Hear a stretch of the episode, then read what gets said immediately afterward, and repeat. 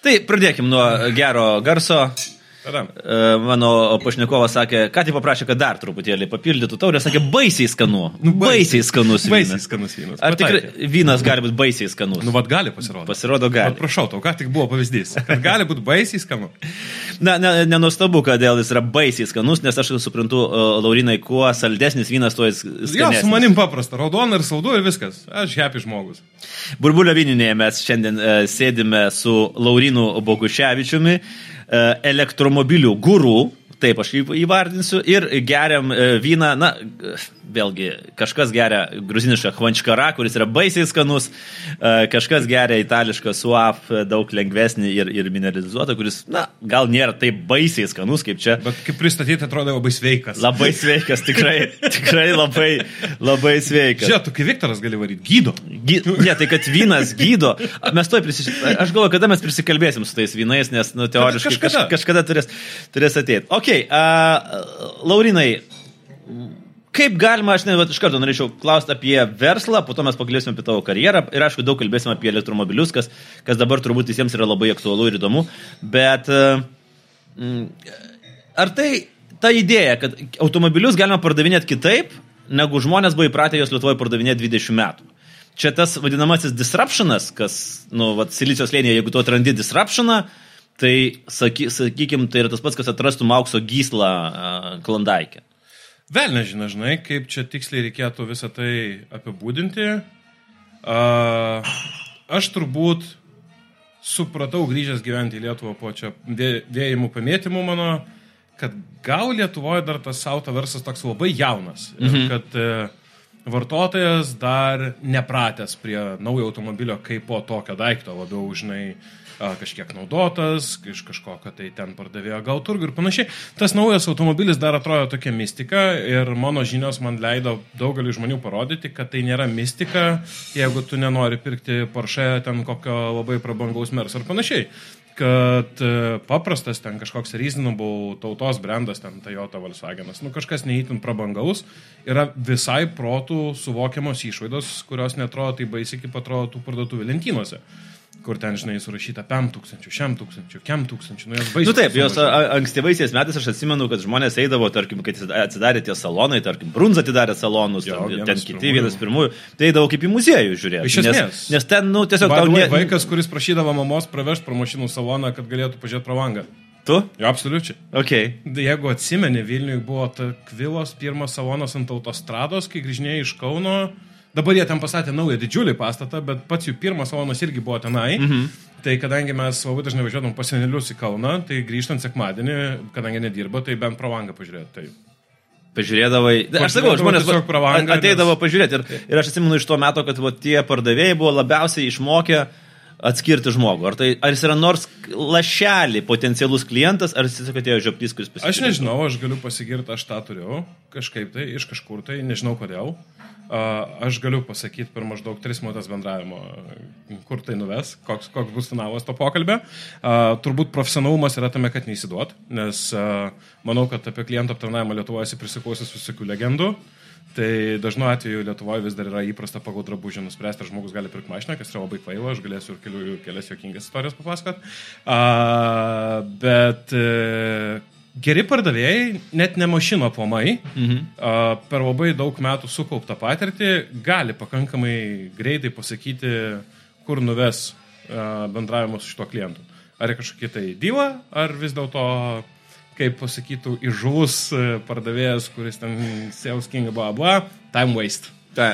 O jo, apie tai mes tik pakalbėsime, nes dabar da, e, prisimeni, pa, pa, paminėjai, kad e, apie drabužį negalime spręsti, nu, tai čia tas būdinga ir visokiam butikam Lietuvos, kur ten tos mergaitės ir berniukai labai taip užžiūrėti nesimokau, tai negaliu, negaliu apie butikus kalbėti. Ne, bet aš atsimenu, bet žinai, aš net žinau tokį įdomią istoriją, kad pavyzdžiui prieš, prieš kokius dešimt metų, tai e, Las Vegaso prabangiose parduotuvėse va, Liepos mėnesį vykdavo apmokymai pardavėjams, kad jokiais būdais nekreipkite dėmesio į klientų aprangą, nes vyksta pasaulio pokerio čempionatas. Ir tie žmonės, kurie atrodo kaip bomžai, nes jie ateina su, su hudžiais ir, ir, ir panašiai, jie turi žiauriai daug šaibų. Ta prasme, Aš iš be respectful. šiais laikais, kodėl tam reikia mokymų. Nu, realiai, nesuprantu.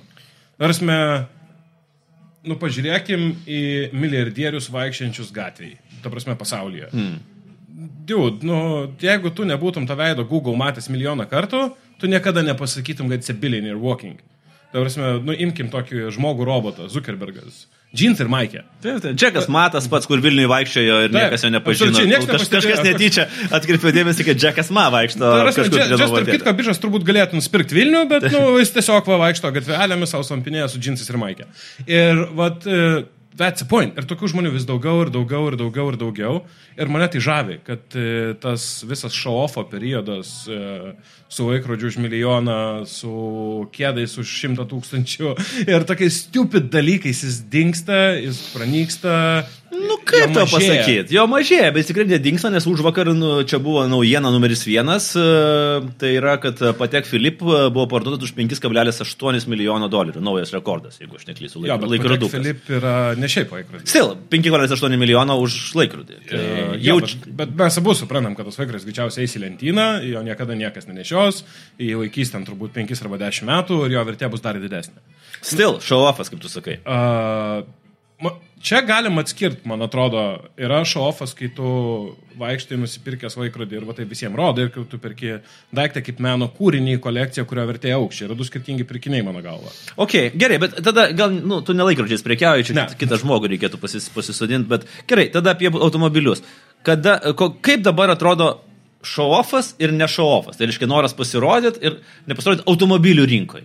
Ar tai priklauso nuo markės? Ar tai, nuo ko tai priklauso? Vat, kaip tu matai? At, a, a, Žiūrėk, yra tam tikrai ženklai, kurie riekia iš savęs ir tu to nei atimsi, nei išmesi. Nu, yra Lamborghini, yra Ferrari, yra Porsche, yra Aston Martin. e, Brema, tu yra a, Maserati. prekiauji automobiliais ir tu nemoki ištart žodžio Lamborghini. Taip, bet įsivaizduok savo koks kaimėtis.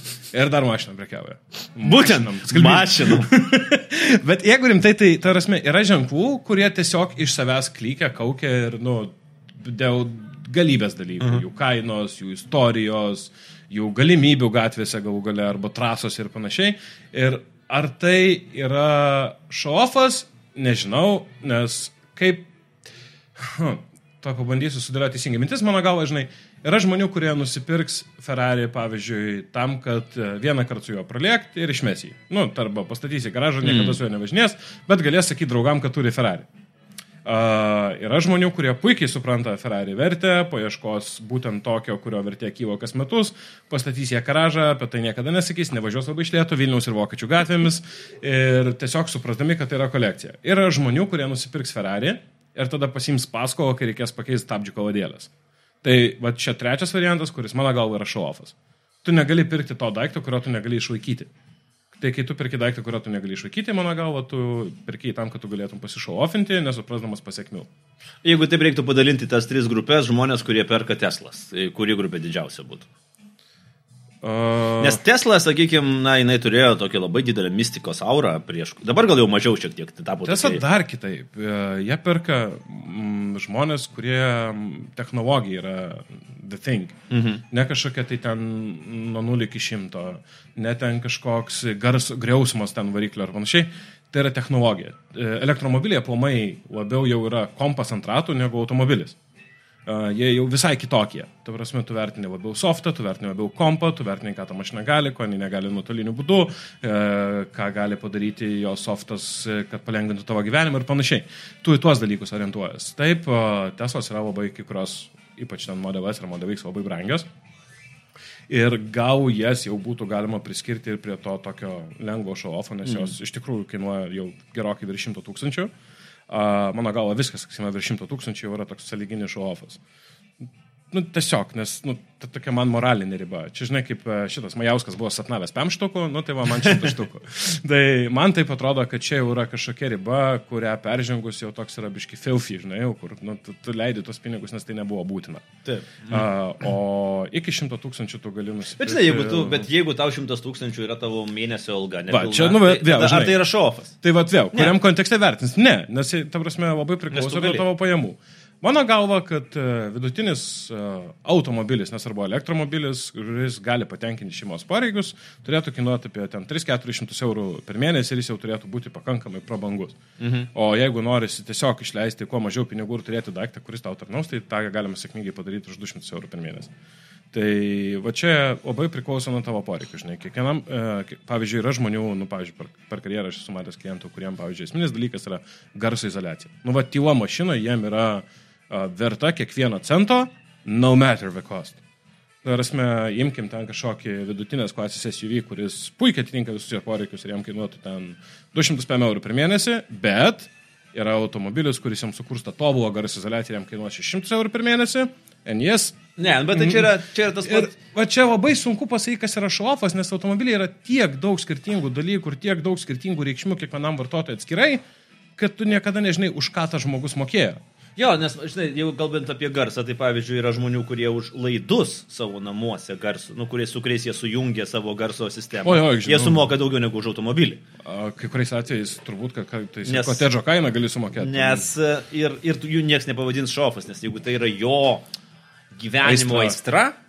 Tai tu niekada nebūsi šofas. Aš vat pagal tai galbūt. Ir automobiliai yra tas dalykas. Pavyzdžiui, aš jeigu kada nors savo gyvenime galėsiu leisti, aš labai norėčiau paturėti Ferrari, nes tai yra tai, nuo, apie ką aš svajoju nuo 3 metų. Mhm. Ir jis būtinai turi būti raudonas. Taip. Ar tai šaofas klykintis gatvėje supersportinis automobilis? Kind of, bet aš jį perku dėl visai kitos priežasties. Man tai bus svajonės įpildymas to mažo berniuko.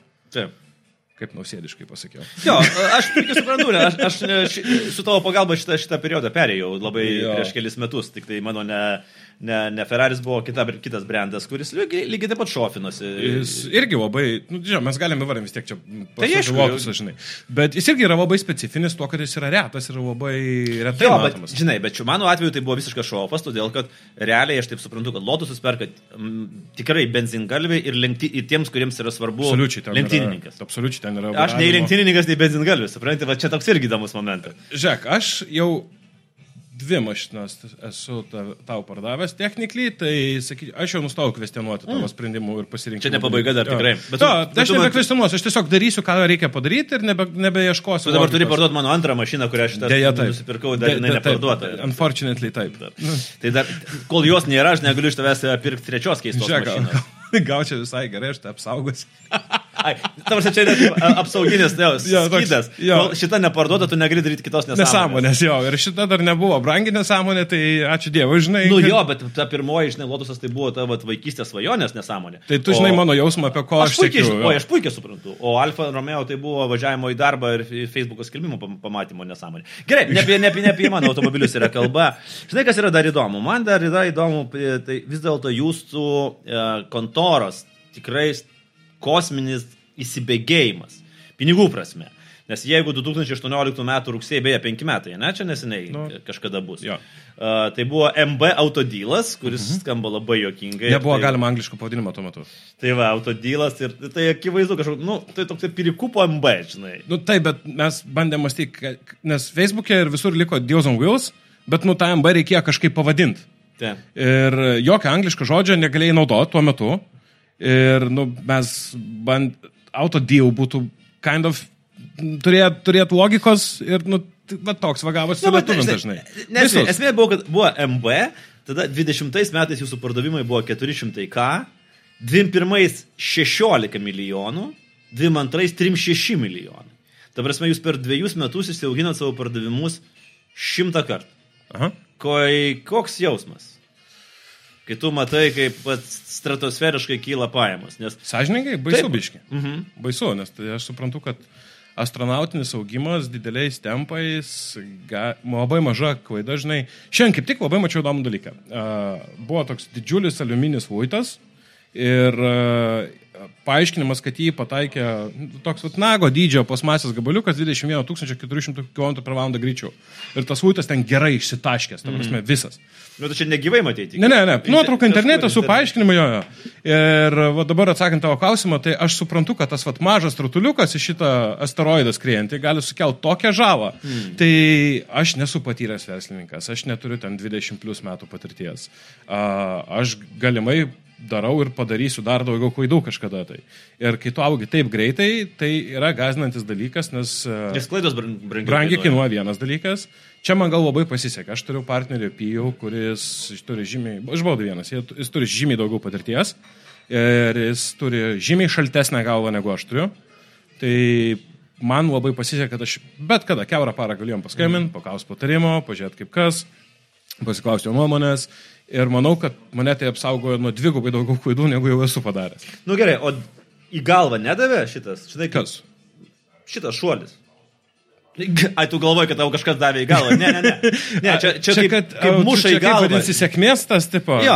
Aš to sėkmė nevadinu, mes tikrai žiauriai daug dirbam. Tikrai žiauriai daug dirbam. Aš apamai netikiu sėkmė, aš tikiu Ne, darbą. žiūrėk, visi, visi žiauriai daug dirba. Taip. Jeigu tu esi versle ir tu nedirbi žiauriai daug, tai nu, tu ne, nesi versle, tu tada kažką kitą darai. Taip, plus nepamiršk, kad... Bet nieks neauga šimtų, šimtą kartų Ką per tu, skai, metus. ką tu skai, sakėjai skaičiais, tai yra apyvartos. Taip, taip. Tai vai. pelnas tikrai, tariant, atrodo man, įspūdingas. man va irgi įdomu, jūsų pelnas po mokesčio 21 buvo 0,28 procentų. Taip, ir šiemet bus dar mažesnis. Taip. Procentai žiūrint. Taip, taip, taip. Pinigais kažkas panašaus, procentais dar mažesnis. Tai yra ok?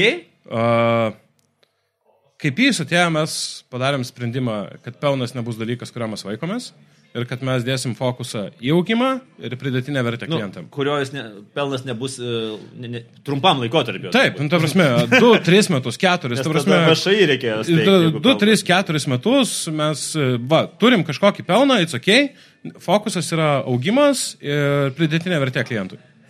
Nes e, šita rinka yra labai užspausta ir dabar pradėti ten kažkaip bandyti nulūpti kiekvieną klientą maksimaliai, nu tai ką, sunyksi, tu lygiai Jo, tapsi bet- bet... tokiu pačiu ir mirsi labai greitai. Gerai, kitas įdomus momentas yra ne, nu, vien pats faktas, kad e, augimas yra šimtas, kart, šimtas kartų per dviejus metus, rodo e, rinkos tuštumą. Nu, įsivaizduok savo dabar kur nors kokioj prisotintoj rinkoje. Atsiranda įmonė, kuri sugeba šimtą kartų aukti. Tai yra beveik nerealu. Nu, ne, ne, Mes ne- atimam labai neįmanoma. daug klientų. Tai va, klausimas yra, kas yra blogai su rinka, kad atsiranda uh, hebrytė, kurie sugeba aukti šimtą kartų, kas yra nonsensas. Nu, ta prasme, aš suprantu, kad jeigu jūs būtumėte sukūrę, nežinau, startupą dar kažko visiškai nauj, naują žanrą. mašiną. Skraidančią mašiną, jo, jo. Ir daugiau aplinkui nieko nėra. Ir visi nori skraidančių mašinų. Ir dabar visi, tai čia viskas aišku, čia galite ir Mhm. tūkstantį kartų. Automobilių rinka yra viena stabiliausių. Čia kaip draudimo rinka, Taip. kaip bankų rinka. Taip. Ir tai kas yra blogai su ją? Uh, manau, kad didžiąją dalim tai mes galim padėkoti visai auto verslo istorijai. Mhm. Ta prasme, kiek mes šitos istorijos turim? 32 metus, gerai skaičiuoju. Lietuvoje, taip. Taip, aš apie Lietuvą ir kalbu, nes mes kalbame apie Lietuvą. Tai ką mes turėjom, manau, tavo tėvai galėtų tą pasakyti, mano tėvai, turbūt uh, didžioji dalis vyresnės kartos žmonių galėtų patvirtinti, kad visur kas nors, kaip nors šitoje rinkoje tave apgaus. Yra toks mitas, kad visi tau pameluos apie automobilio būklę, tau pameluos apie automobilio stovį, tau pameluos apie automobilio ridą, tau, pam... čia jeigu naudotas automobilis, jeigu naujas, tai tau tave, nulups devynis kailius ir ten neduos tau tos nuovados, kurią galėjo duoti, kad jis bus labai brangus, kad jo išlaikymas bus kosmis, kad draudimas kainuos labai daug. Uh, ir auto verslininkam, ši, kurie yra šiandien, šiandien dienai, su dabartiniam maržom, ne visiems, bet su daugeliui, uh, it's ok. Nu, ta prasme, tu parduodi penkias mašinas, gerai uždirbai ir valia. Nu, ko čia tau kankintis parduoti 20 mašinų?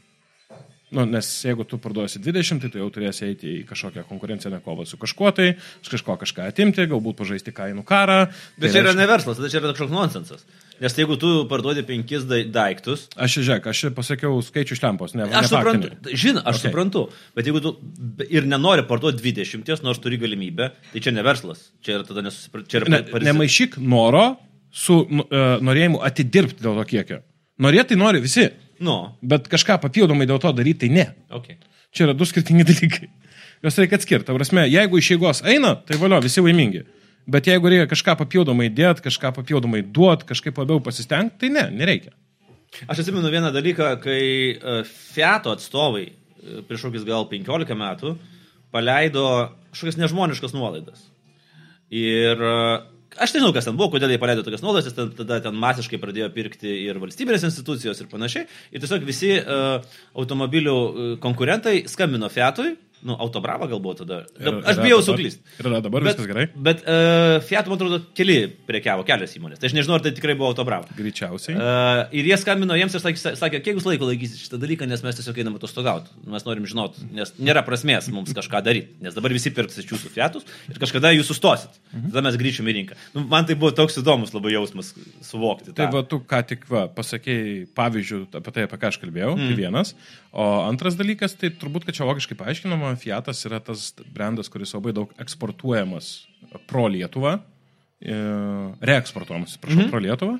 Tai aš tos istorijos neatsimenu, bet jeigu reikėtų logiškai pabandyti paaiškinti tokią situaciją, tai spėju, kad e, tuo metu Autobrava reeksportui buvo nusipirkus žvėrišką kiekį automobilių, kažkur kažkas nepaėjo, kažkoks pirkėjas galbūt atsakė ar okay. something ir jiems reikėjo juos kažkur dėti ir greitai, nes tai buvo jų pinigai. Nu tai, Tipo, Kazakstanas užsidarė, reikia išstumti Lietuvą. nu pavyzdys, Plius- kad, nu, nu, nu, durkim pirštuvą, Kazakstanas jau. Nu gerai, tvarkoj. Tai, bet vis tiek, tu man nepaaiškini dar kol kas. Aš suprantu šitas, vis, šitą visą tingumą, bet nu, rinka pasidalinta. E, Ir, ir e, kad ir koks bebūtų įžulus e, naujakurys, šimtą kartų užaukti yra sudėtinga. Dar kažkas turi būti. Gerai, uh, tu kitus ženklus žiūrėjai, Lietuvoje kažkokius rekvizitus tikrinai, ką nors? Ne. Prieš internetą. Nu tai gerai, pabandyk surasti dealerį, kuris turi tokį feedback, kokį mes turim. Kurį, kuris yra neteisi sukurtas ne. dirbtinai. Nes... Ei, ei, va, jau patvirtino, kad teisėtai. Taip, čia, Jau čia yra labai gera istorija, kad tai... Tai- konkurencijos tarybai pasirodė, kad šitas yra per geras, jie per geri gaunami By the way, atsiliepimai. kaltininkai tai esi tu, Andriulis ir Elgis greitai. By the way. Bet kas Jūs keiščiausia, bet kodėl mes kaltininkai, nes tavusime, jeigu mes rašom gerus atsiliepimus, tai yra A, arba mums tikrai patiko, B, jūs mums sumokėjot. Ta prasme, nu, tai yra irgi vieša paslaptis, kad influenceriai Taip. gauna uh, pinigus ir... Matai, sako, nežinau, kad aš tuo metu, kai jūs rašėte, neturėjau pinigų įmokėti. Tai. Ne, nu tai galėjai duoti automobilį pavažinėti ar dar kažką. Tokį irgi neturėjau. Ten buvo pačių pradžių, pradžių pradžia. Nu, bet, anyways, influenceriai taip dirba. Nu, Taip, tau- tie taip, visi nebu- čia jo. yra normalu. Bet man atrodo, aš tada turėčiau kaip ir parašyti, kad paid or something. O pas mane nieko nėra, nes niekada ne vienas nebuvo paid. Nu, bet anyway, tai vienas dalykas yra reputacija ir antras dalykas, pabandyk man surasti Lietuvoje pardavėją, kuris neturi teistumo. Nu, net ten kažkokio. Ta prasme. Ne, te- teistumas neteisingas žodis. Palauk, to pabandysiu paaiškinti. Aš čia žinau, labai drąsus pareiškimas. Nepra, nepralaimėtos bylos, pavyzdžiui, prieš kažkokį klientą, kur reikia aiškintis jau teisiniu būdu. Tai neteistumas, žinau. Nu, Jo, tai aš sakau, neteisingas Čia žodis. neteistumas. Neteisingas žodis. Neteisingas Administracinė Ne- byla ne- pralaimi. Taip, taip, taip. Pabandyk surasti autopardėją, kuris neturi iškeltos administracinės baudos ir ją prapylęs. dar. Aha. Nu, pavyzdžiui, čia dabar e, garsiai eina Kijos tą istoriją, nu, tai Kija ten turi ir viešųjų pirkimų piknaudžiavimo bylų pralaimėtų. Tai, nu, va, tau va, pavyzdys, e, e, labai didelė autosalonų dalis e, vis dar yra tas pats Marijampolės mašinų turgus, tik su kostiumu ir gražiam pastate. Okay. Niekas nepasikeitė. Tarsi, kol nepasikeis mentalitetas ir požiūris į žmogų ir klientą, tol nu, mes ir turėsim tą autoversą tokį kažkokį, vad kreivą šleivą. Tai manau, kad labai didelė dalis yra to, pavyzdžiui, gau galę, žinai, Lietuvoje standartos siekti su klientų didžiai daliai pardavėjų, man atrodo, yra para ar dvi paros. Mes turim kem penkias minutės. Mm. Tai žinai, vidutinis e, vartotojas automobilį nusipirka po 1,6 apsilankimo automobilių salone. Nuo tavo reakcijos greičio ir aptarnavimo kokybės priklauso, ar jis bus tavo klientas ar kažkieno kito. Nu, mes tą suprantam. Kiek supranta kiti, čia jų reikia klausti. Nu jo, aš šitas klientų aptarnavimo turbūt tas patyrimas, jisai ateina būtent iš, iš, iš asmeninio kontakto, ko jau iš jūsų netimsi. Mes savai stengiamės. A, labai įdomi akcininkų komanda. Žinai, aš pabandžiau iš B raidės visi, žiūrėk, Baldžius. ane? nu, jis Baldžius. Nu, yra. taip, Tu- technikly. Ką reiškia technikly? Nu, jis pats tai negamina baldų. Nesvarbu, jis di- dirba baldų industrijoje, yra baldžius. tinka, tinka. Bet to gal ir pats yra kokią dar taburetę susikalęs. Reiktų pijaus paklausti, kada. Čia prikėtų. Bankininkas, Jis beje labai nagingas, tai labai gali būti. va, balabonas. Nu, aš ieškojau viešųjų ryšių specialistų iš B raidės. Tu pasiūlai trumpesnį variantą, jis netiko man. Tu sakai, kad eterį negalima. Taip, tai balabonas. Tai yra geras toksai žodis, kuris daug šneka. šne- Ir Boguševičius, 4B. Uh, ir visi, jūs pardavinėte automobilius. Mhm. Įdomiai, ne? Nes aš žinau, kad bankininkas tai taip, jisai e, užsiminėjo tuo, Jis jisai šitą lizingavo, bendrą, lizingavo, aš esu jo pirmas klientas e, Jep. į į- į lizingę, bet e, kompanija nebloga, ypatingai balabonas man yra neaiškus, jo, jo funkcija. Kai mes Bet aš kalbu apie Andrių Baranauską, Taip, taip, taip. buvusi Tele2 Aš manau, komunikacijos kad vadovą. aš dabar. supratau pagal balaboną. Aš sakai? Oi, nu jo, galimas variantas. Galimas variantas. Uh, bet uh, jeigu honestly, tai kai kūrėm jau UAB, Mhm. Čia buvo tas momentas, kada mes gavom galimybę nusipirkti tas tesas su tais mistiniais lenkiais, kurie čia buvo atvažiavę į Lietuvą ir ieškojo, kas, kas pardavinės tas tesas. Uh, ir aš supratau, kad mano marketingo ir PR žinios yra maždaug ties plintusu. Nu, taip mhm. sąžininkai, ne, nelabai ką suvokiu. Uh, tai sandoris buvo toks. Andrew help ir mes tau duosim mažą šėro gabaliuką, bet tu mums padėk, nes mes nefiga nesuprantam, ką darom. Nes viskas, ką aš žinojau, tai aprašinėti mašinas Facebook'e, kovoti už klientus ir garsiai rėkti. Kas ne visada galbūt yra... Nu, ne, neblogas uh, bu, bu, savybės. Žiūrėk, šiandien dienai galim pripažinti, kad uh, if it's working, it's ain't stupid, bet ar tai yra vienintelis būdas, tai toli gražu ir uh, Andrius parodė daug kitų dalykų. Tai, žinai, tai jisai įdėjo savo žinias, savo darbą būtent PR ir marketingo dalyje. Uh, 21 metais jūs gavote tokią pirmą injekciją finansinę, 250k, mhm. už 10 procentų akcijų. Mhm. Kažkam paėjo. Py. Taip. Taip, 250k už 10 procentų akcijų, kur dabar įmonė generuoja 40 milijonų. Jeigu dabar norėtų kažkas nusipirkti 10 procentų akcijų, A, ar parduotumėt? B, kiek kainuotų? Aš vis dar turiu daugiausiai, tai žinai, atsikratytos mamo paskolos gal nieko mintis. Jokauju visiškai. Uh, turbūt labai priklausy nuo to, kas. Normalus bičias. Nu, ta prasme, kuris dar gali į, į, į, įdėti dar kažką, ne tik tai pinigą, bet ir, ir kažkokį know-how, sakykime.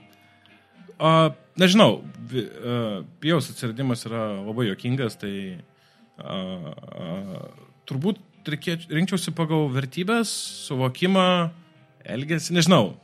Būtų labiau toks žmogiškas pasirink, pagal žmogų labiau sprendimas negu pagal pinigus. O kiek tu įvertini 10 procentų a, savo įmonės akcijų? Dabar? Dabar. Nu, va dabar įsivaizduok savo, yra geras bičias, ne? Amerikos lietuvis iš Čikagos, labai geras. Turi, turi pinigų, o mes Čikago norim prisidėti prie lietuviško verslo. Nu, Dabar gali Labai pasijuokti, ant, ant, ant kiek aš nivelne. Net ne iš Čikagos, o iš Detroito labiau, nes uh, automobil industry.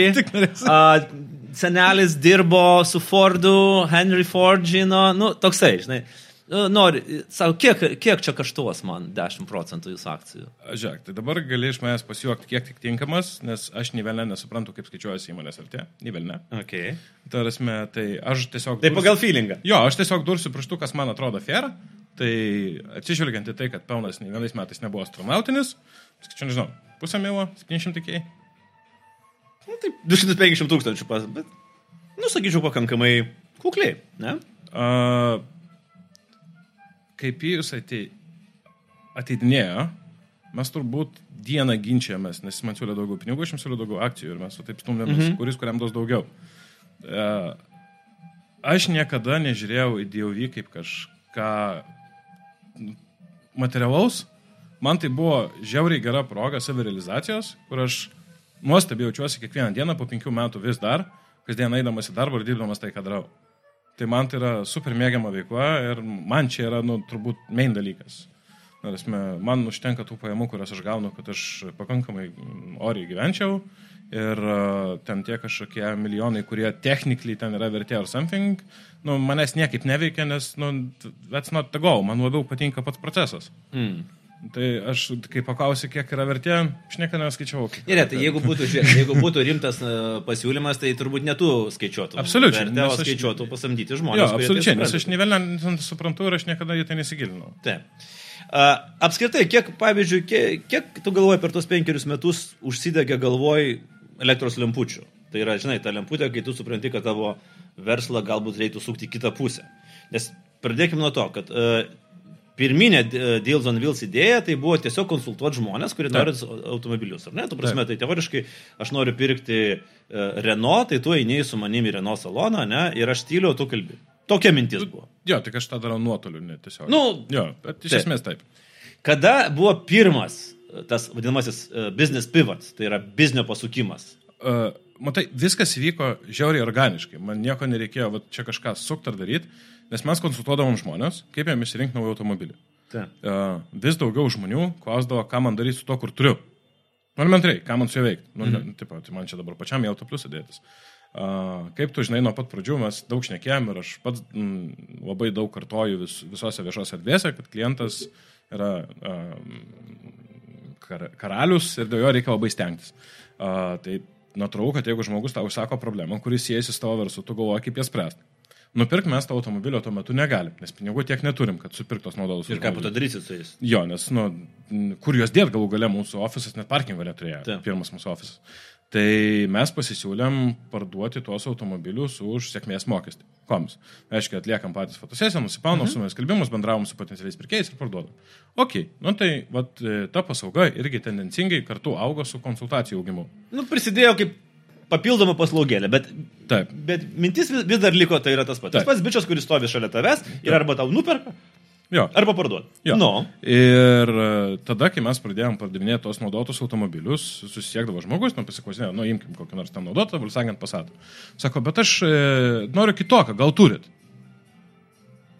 Tai reiškia, kad ką tik tau žmogus pasiūlė sumokėti pinigus už Volkswagen Passatą, kurio tu neturi. Bet tai nereiškia, kad jo niekur nėra. Mhm. Prasme, gerai, kokia rinka naudotėm automobiliam yra pati a, patraukliausia Europoje? Vokietija. Vokietija. Ok, pradedam žiūrėti, nu žinai, sakom žmogui, žiūrėk, yra Vokietijoje toks automobilis, jisai kainuoja tiek, PVM skiriasi, tai dar tu pridedi tuos 2 procentus, skaičiuoji kiek kainuos travas, nusidedi kažkokią mhm. tai komisą už darbą, bla bla bla. Nu, sakai, galutiniam variantui automobilis kainuos tiek. Tai žmogus sako, o, tai man tinka, tai nupirkit. A. Nu, gerai.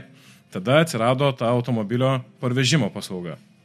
Kad uh, tu įsirenki automobilį užsienį, arba mes tau jį surandame, jeigu tu pats tingi ieškoti, arba ne, nei nori, nei, nei supranti, nei nori galvą sukti. Uh, pradėjom daryti šitą dalyką.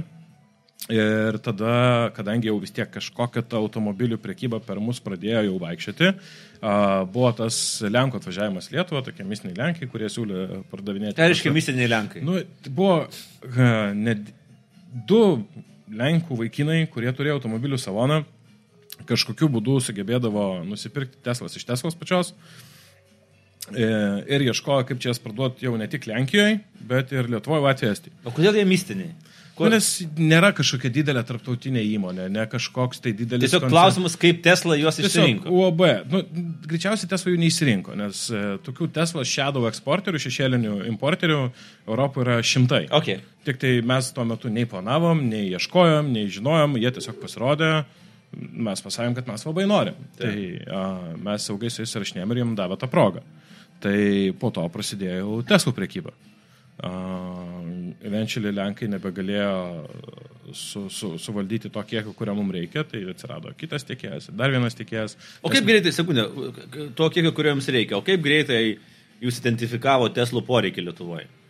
Mes jo neidentifikavom, mes pradėjom po truputėlį skelbtis, kad galim parvežti naują Teslą ir tie žmonės... A, tiesiog buvo Tiesiog norinčių, pradėjo- kurie negalvojo, kad gali, ga, gali tai būti. Ne? Jo, kad iki tol Tesla nusipirko pakankamai didelis peninijas, nes tu turi važiuoti į Vokietiją, simokėti dvigubą PVM, nes turi simokėti ir vokišką, ir lietuvišką, ir vokišką tau kažkada gražina, tada parsiveš čia, jeigu tau lizinguoti, tau reikia turto vertintojo, nes tu jį parduodi ne kaip kažkoks tai salonas, o kai tu pats parsiveži, tai tau reikia turto vertintojo, nes iš fiziko yra lizingas. Nu, žodžiu, hemorojus. Tikrai, tikrai, ta prasme, ir, ka, ir kur pasikankinti, žinai. Mm. Nu, ir daugelis žmonių tiesiog, nu, vilniop, nu, tai jeigu tiek darbo, tai ką čia tų mašinų nėra, kur galiu paprastai be galvos skausmo nusipirkti. Tai yra. Ir tiesiog padėdavo į šoną. Okay. Kai nu, mes pasiūlėm tą, kad tau nebereikia viso to hemorojaus ir gausi taip pat kaip bet kuriam salonė raktelius, tai mes patys nesitikėm, kad jų bus taip daug, o Lenkai pasirodo skaičiavo, kad čia Lietuvoje, nu, ką žinau, penkias mašinas per mėnesį, o kai mums pradėjo reikėti penkiolikos, kai kuriais mėnesiais jie pradėjo užinėti, tada mes radom daugiau tiekėjų ir e, tas dalykas po truputėlį sukos ir auga.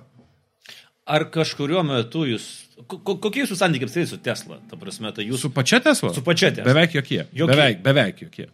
Prieš mm, du mėnesius jie teikėsi atrašyti e-mailus, kuriuos mes siuntinėjom tris metus beveik. ir dabar jie pagaliau leido mums pirkti mašinas tiesiogiai iš jų, kas anksčiau, jeigu tu siemi auto prekybą, buvo griežtas nuogo. Okay. Tai dabar jau leido. Tai taip, dabar mes galim pirkti automobilius iš Teslos, bet kadangi Tesla a, su delivery timais e, yra komplikuotas dalykas, niekada beveik vaikų neatveža, mes vis dar naudojame visokius trečius tiekėjus, kurie būna anksčiau užsisakę, gauna tai, ko mums reikia, tai mes tiesiog žiūrim, kas klientui naudingiau. Nu, tai žiūrėk, aš suprantu, kad šitas verslas pas tave vystėsi taip, kaip žinai, tam senam anegdotė, kad žodis po žodžio ir gavo knyžliukas Abs- į snukį. Ta, literaliai taip. Nu, taip. Literaliai taip, jis augo visiškai organiškai, nieko nebuvo dirbtino. Vienintelis dalykas, kuris buvo gal toks truputėlį pa- papušintas, tai buvo Pijaus pasiūlymas kuo labiau judėti jau į elektromobilius. va, va, Tik tai atėjus. ir sus, da, sustojam ties to, nes čia aš matau rimtą mhm. pasisukimą, Taip. nes e, jūs dabar e, kon, kon, turit kiek e, elektromobilių rinkos? maždaug. A, taip. Nu. Sausio pirmą. A, tai čia neišakės, bus čia tiksliai. Jo, pasakyta. tai bus 40 procentų visų testų Lietuvos įvežtų buvo mūsų, Mhm. įskaitant visus amerikiečių, tai pamai, visų registracijų. Uh, ir man atrodo, bijau sumo 12 procentų visų elektromobilių rinkos. Ok.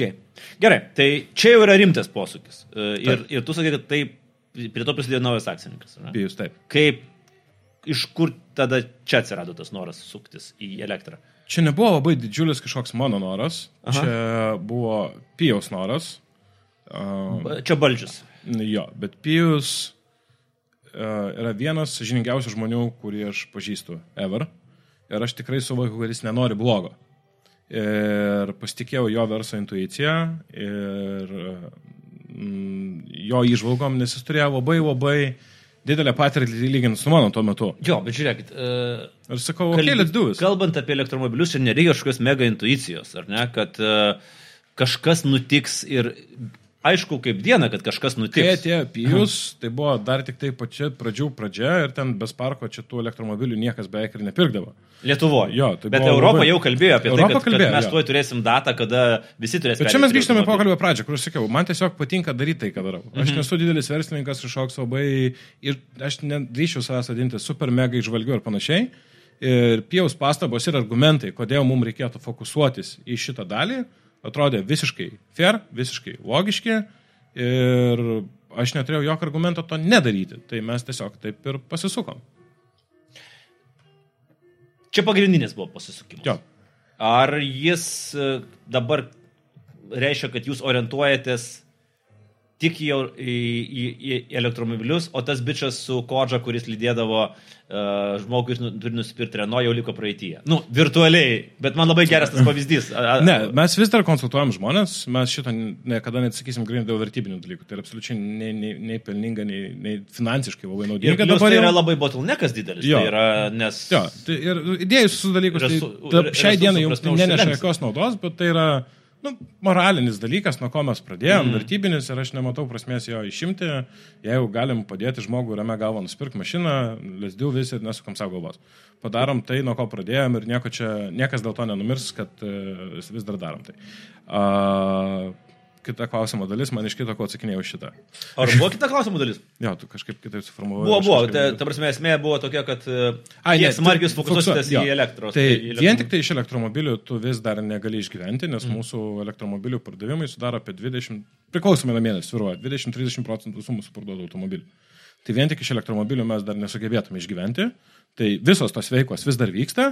Mes tiesiog matom, kaip elektromobiliai palaipsniui kiekvienais metais vis labiau keičia vidaus degimo variklius. Kada jūsų versle nutiks uh, svarstyklių principas ir jūs parduosit daugiau elektromobilių negu vidaus degimo variklių? Manau, kad, manau, kad arba kitais, arba dar kitais metais.